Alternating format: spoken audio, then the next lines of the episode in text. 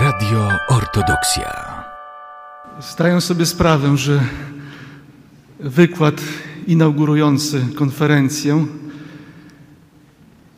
nie może być długi, nie może być też stricte naukowy i nudny. Postaram się więc, żeby moje wystąpienie spełniało te wymagania, kryteria. Dlatego też na wstępie już pozwolę e, od małej dygresji. Dwa lata temu, jadąc do skitu w Odrynkach, przejeżdżałem przez kilka podlaskich wsi. W jednej z nich, w Nowej Woli dokładnie, na środku drogi stał samochód, a dwie panie obfotografowały taką chylącą się chatkę. Kiedy już byłem w skicie, te same dwie panie zawitały również tam i chciały coś się o tym skicie dowiedzieć. Ponieważ pierwszą napotkaną osobą w sutannie okazałem się być ja, więc swoje pytania skierowały do mnie. Po krótkiej rozmowie z paniami dowiedziałem się, że pochodzą z Poznania, a fotografują tu wszystko, ponieważ chcą pokazać swoim dzieciom, że Podlasie jest piękne i że wcale nie jest tu koniec świata, jak je ostrzegano. Myślałem, że panie sobie żartują, ale one poważnie opowiadały mi, że obecna młodzież tam uważa, iż Podlasie, na, na Podlasie to właściwie jeszcze nie dotarła cywilizacja.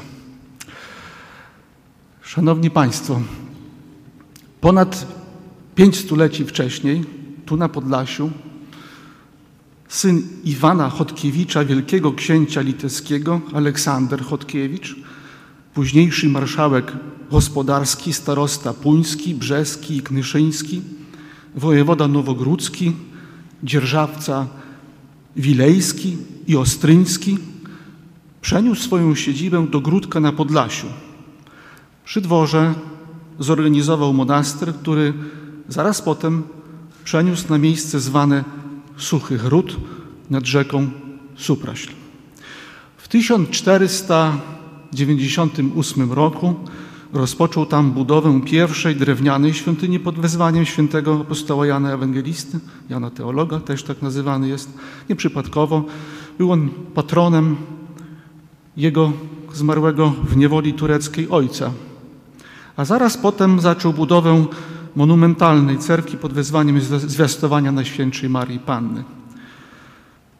Po dziesięciu latach, a może nawet i szybciej, wybudował tą piękną cerkiew, którą teraz odbudowywaliśmy ponad 30 lat. Jako dobry zarządca Aleksander Chodkiewicz skomasował wielkie majątki i jako wspaniały gospodarz dbał o ich rozwój. Troszcząc się o należyty rozwój swych ziem, nie zapomniał też o komponencie duchowym i kulturowym, tak ważnym dla właściwego funkcjonowania swoich poddanych.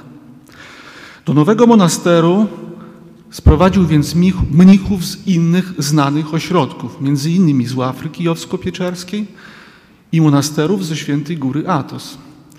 Monaster utrzymywał też ścisłe kontakty z ośrodkami na Bałkanach.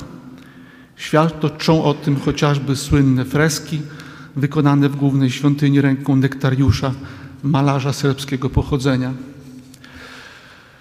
Niczym Aleksander Wielki Macedoński, który zorganizował w założonym przez siebie mieście Aleksandrii naj, największą bibliotekę, nasz Aleksander założył w nowym monasterze supraskim bibliotekę na, swa, na miarę swoich możliwości i dbał o zabezpieczenie księgozbioru to właściwie tu do Supraśla w 1503 roku sprowadził z Wilna Mateusza X, aby poświęcił się dziełu pisania rozpoczętej rok wcześniej Ewangelii. Przepisywanie zostało zakończone w 1507 roku. Aż tyle wysiłku i środków kosztowała w tamtych czasach jedna księga. Spis inwentarza monasterskiego z 1557 roku, wykonany za czasów archimandryty Sergiusza Kimbara, poświadcza o zbiorze 202 rękopisnych ksiąg w zasobach Biblioteki Supraskiej. Biorąc pod uwagę czas powstawania jednej księgi, staje się jasne, że pozyskiwano je też z innych źródeł. Kontakty z innymi ośrodkami sprzyjały szybkiemu rozwojowi monasteru.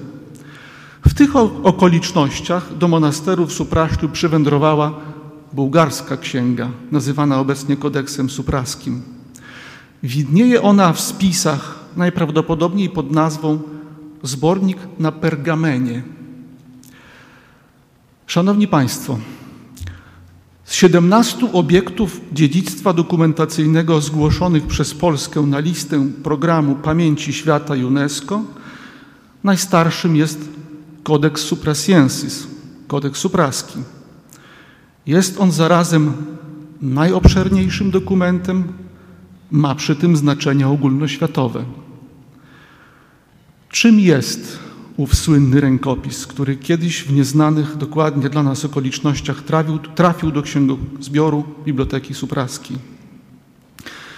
Kodeks Supraski, czy lepiej, jak uważa tu obecny pan profesor Aleksander Naumow, a sądząc po tych siarczystych brawach, ta nazwa wejdzie. On proponuje Cyrylicka Księga Supraska, taką nazwę to pergaminowy rękopis zawierający 48 tekstów stanowiących łączną objętość 285 kart. Kiedyś karty numerowano, a nie strony, a więc trzeba pomnożyć przez dwa, czyli 570 stron. Ta obszerna księga napisana atramentem na wyprawionych owczych skórach w cerkiewnej liturgicznej nomenklaturze jest nazywana minieją czetną, Zawiera żywoty świętych na miesiąc marzec i pouczenia znanych ojców na święto zwiastowania Bogarodzicy, Wielki Post i święto Zmartwychwstania Pańskiego. Jest jedną z dwunastu miesięcznych ksiąg, ale wyjątkową, obszerniejszą niż inne, bowiem w marcu wypada Wielki Post, święto zwiastowania i stosunkowo często Wielkanoc. Stąd związane z nią dodatkowe pouczenia. Większość zawartych w kodeksie tekstów ma odpowiedniki w języku greckim. W manuskrypcie brakuje kilku kart na początku i na końcu. Są też nieznaczne luki w niektórych utworach. Jest to jednak najobszerniejszy, znany obecnie rękopis zapisany dawną cyrylicą, stworzoną przez jednego z uczniów świętych braci Cyryla i Metodego, nauczycieli Słowian, do zapisów tekstów słowiańskich, tym nowym alfabetem. Cyrylica w odróżnieniu od głagolicy, wcześniejszego alfabetu, jak się obecnie uważa, stworzonego przez samego świętego Cyryla, bazowała na alfabecie greckim, aczkolwiek w nowym alfabecie dla wyjątkowych dźwięków słowiańskich, takich jak sz, czy, ż, dla których nie było w, znaków w alfabecie greckim, stworzono nowe znaki. Skorzystano nawet z alfabetu hebrajskiego. Posiadając już swój własny słowiański alfabet, nie było konieczności stosowania znaków łączonych, swojego rodzaju dyftongów. Ostatnie badania lingwistyczne uczonych bułgarskich stwierdzają, że tekst powstał na przełomie X i XI wieku na terenach północno-wschodniej Bułgarii. Przepisany został ręką jednego kopisty, choć niektórzy uczeni twierdzą, że są małe wyjątki – z bardzo skromnymi ilustracjami.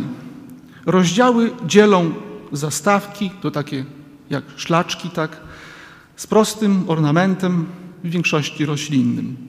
Pod względem treści jest niezwykły. Przedstawieni w nim święci pochodzą w większości z kręgu chrześcijańskiej kultury Bliskiego Wschodu i stanowią niezwykłe przykłady wierności Chrystusowi w obliczu prześladowań. Na niektórych stronach występują poprawki. Według badaczy pochodzą z XIII wieku i mają charakter ruski, co może świadczyć o trasie wędrówki rękopisu.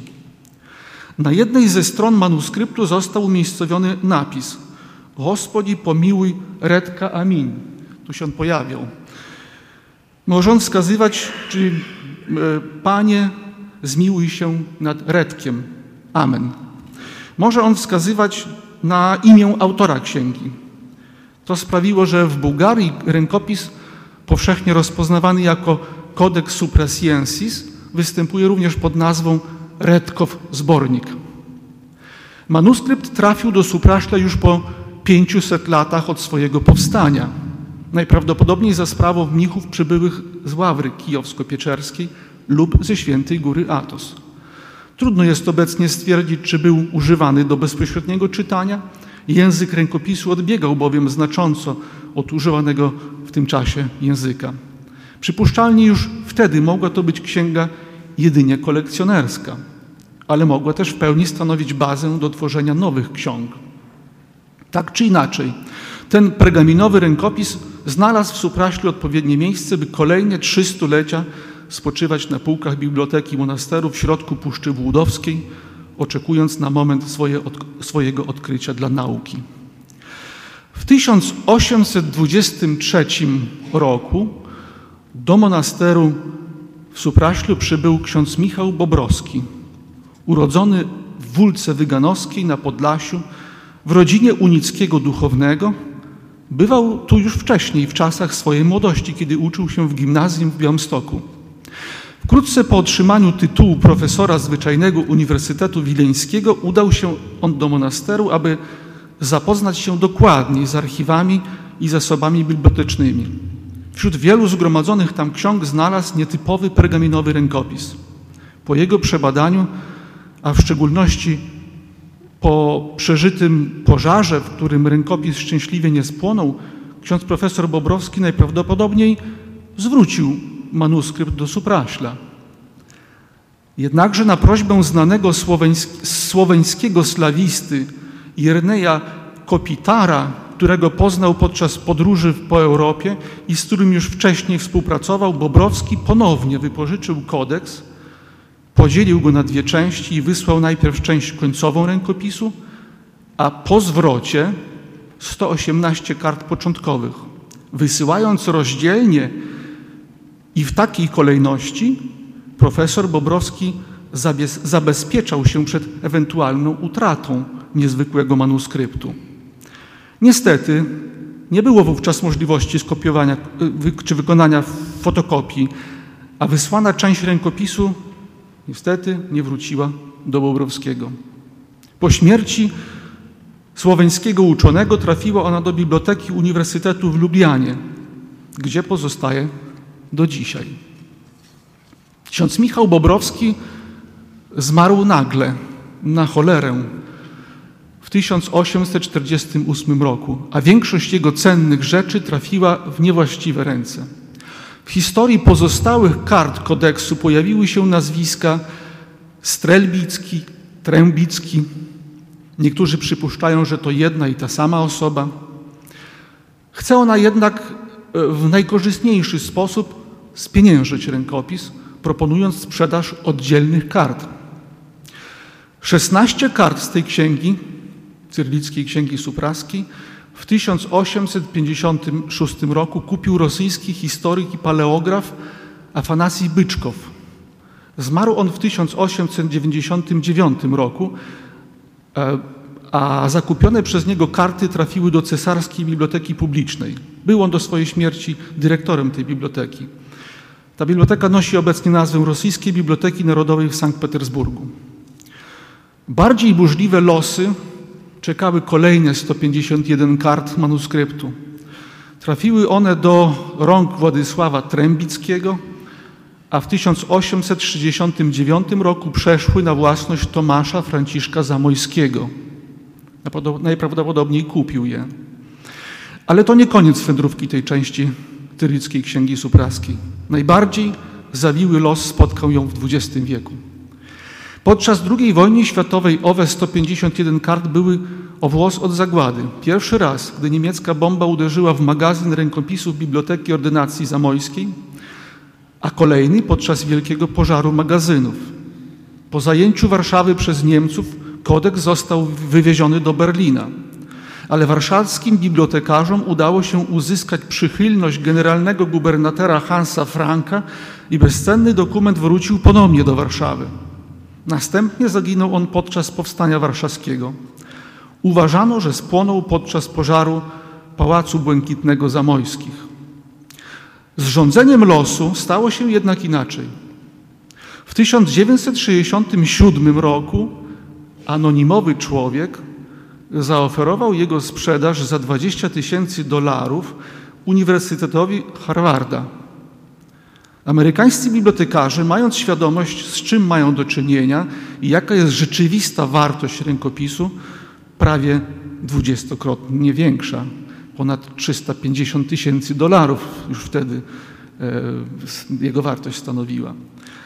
Znaleźli oni sponsora w osobie milionera Herberta Millera, który dorobił się majątku na handlu polską szynką. Odkupił on rękopis i przegasał go polskim władzom.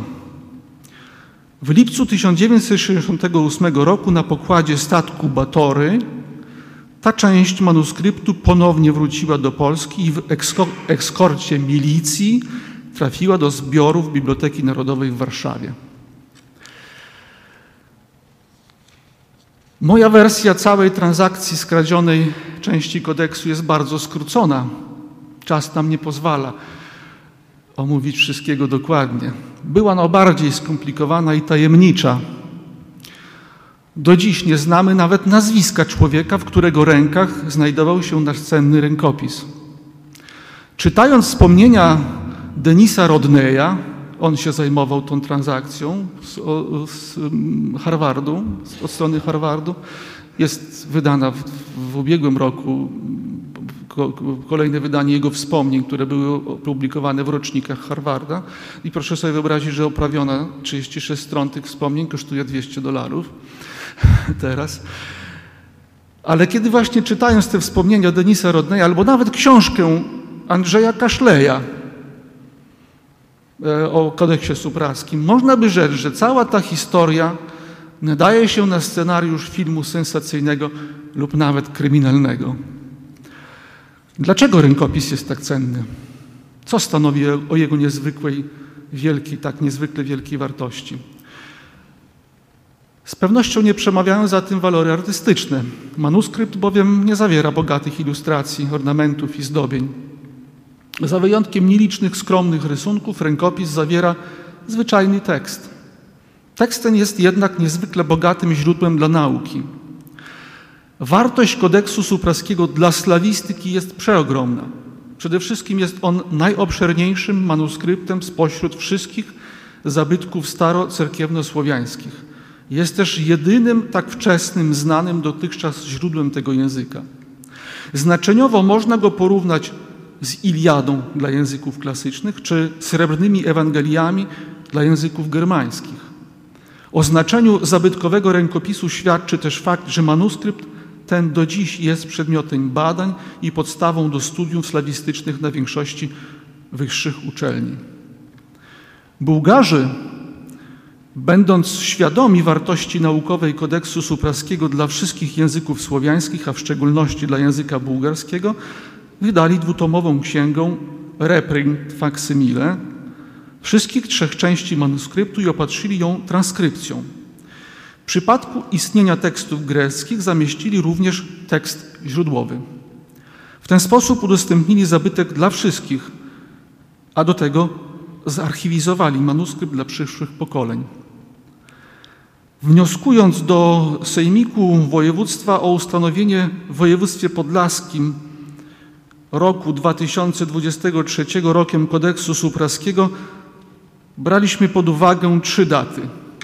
Tysiąc lat od powstania księgi, 500 lat od jej sprowadzenia do Supraśla i 200 lat od, od ponownego odkrycia. Na tę okoliczność został też powołany zespół polskich tłumaczy, aby dokonać przekładu księgi na język polski. Należy podkreślić, że będzie to pierwsze tłumaczenie kodeksu supraskiego na język nowożytny. Niewątpliwie przekład dokonany przez 28-osobowy zespół pod kierownictwem znanego slawisty i literaturoznawcy profesora Uniwersytetu Jagiellońskiego i Uniwersytetu Ca' Foscari w Wenecji, obecnego tu Aleksandra Naumowa, sprawi, że tekst zabytkowej księgi stanie się zrozumiały i dostępny dla szerszego grona czytelników, a także zachęci do dokonywania tłumaczeń na inne języki nowożytne. Drodzy Państwo, okazało się, że jest jeszcze jedna okrągła data. Wczoraj minęło dokładnie 175 lat od śmierci księdza profesora Michała Bobrowskiego. Zmarł on jako dziekan okręgu próżańskiego i proboszcz parafii prawosławnej w Szereszowie. Tam też został pochowany. Podczas dzisiejszej świątecznej liturgii modliliśmy się o spokój jego duszy. Występując o ustanowienie w województwie podlaskim roku kodeksu supraskiego, nie braliśmy jednak pod uwagę tej rocznicy. Doliczyliśmy się jej później. Podobnie wyznaczając dzień otwarcia e, konferencji, nie zauważyliśmy, że jest to dokładnie dzień po jego E, po odejściu odkrywcy kodeksu supraskiego do wieczności. Czy to wszystko przypadek? Czy zwykłym przypadkiem było też to, że rękopis przetrwał przez tysiąc lat i nie uległ zniszczeniu, jak powstałe liczne księgi z tamtego okresu?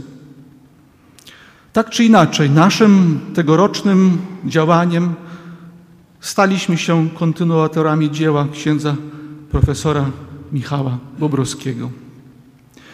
Mimo, że kodeks supraski jest tak fenomenalnym zabytkiem i jedynym tak cennym źródłem dla studiów nad rozwojem języków słowiańskich, w tym języka polskiego, to był on do tej pory, za wyjątkiem wąskiego grona naukowców, praktycznie zapomniany.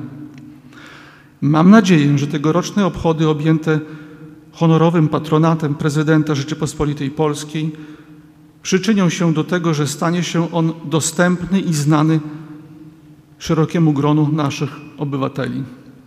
Wartość i znaczenie kodeksu supraskiego pośrednio świadczy też o znaczeniu monasteru supraskiego, jakie miał on w XVI wieku i później. Świadczy też o poziomie kulturowym Podlasia i naszych przodków żyjących w tamtych czasach. Szanowni Państwo, wszyscy dobrze wiemy, że obecnie największym źródłem wiedzy są zasoby internetowe, a ostatnio sztuczna inteligencja. Przygotowując wystąpienie z ciekawości wysłałem zapytanie do chat GPT o treści Opisz historię kodeksu supraskiego i jego znaczenie. Od sztucznej inteligencji otrzymałem na dzień 31 sierpnia 2023 roku odpowiedź następującej treści. Przepraszam za nieporozumienie, ale niestety moje możliwości obejmują wiedzę do września 2021 roku, a kodeks supra, supraski nie jest mi znany.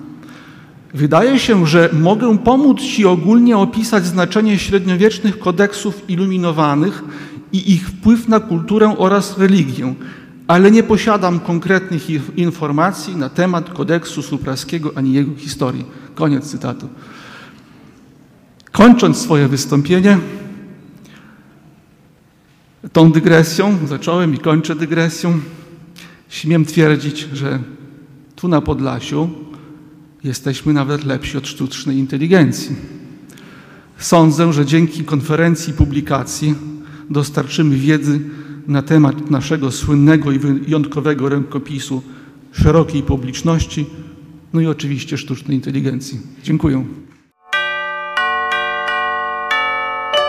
Radio Ortodoksja.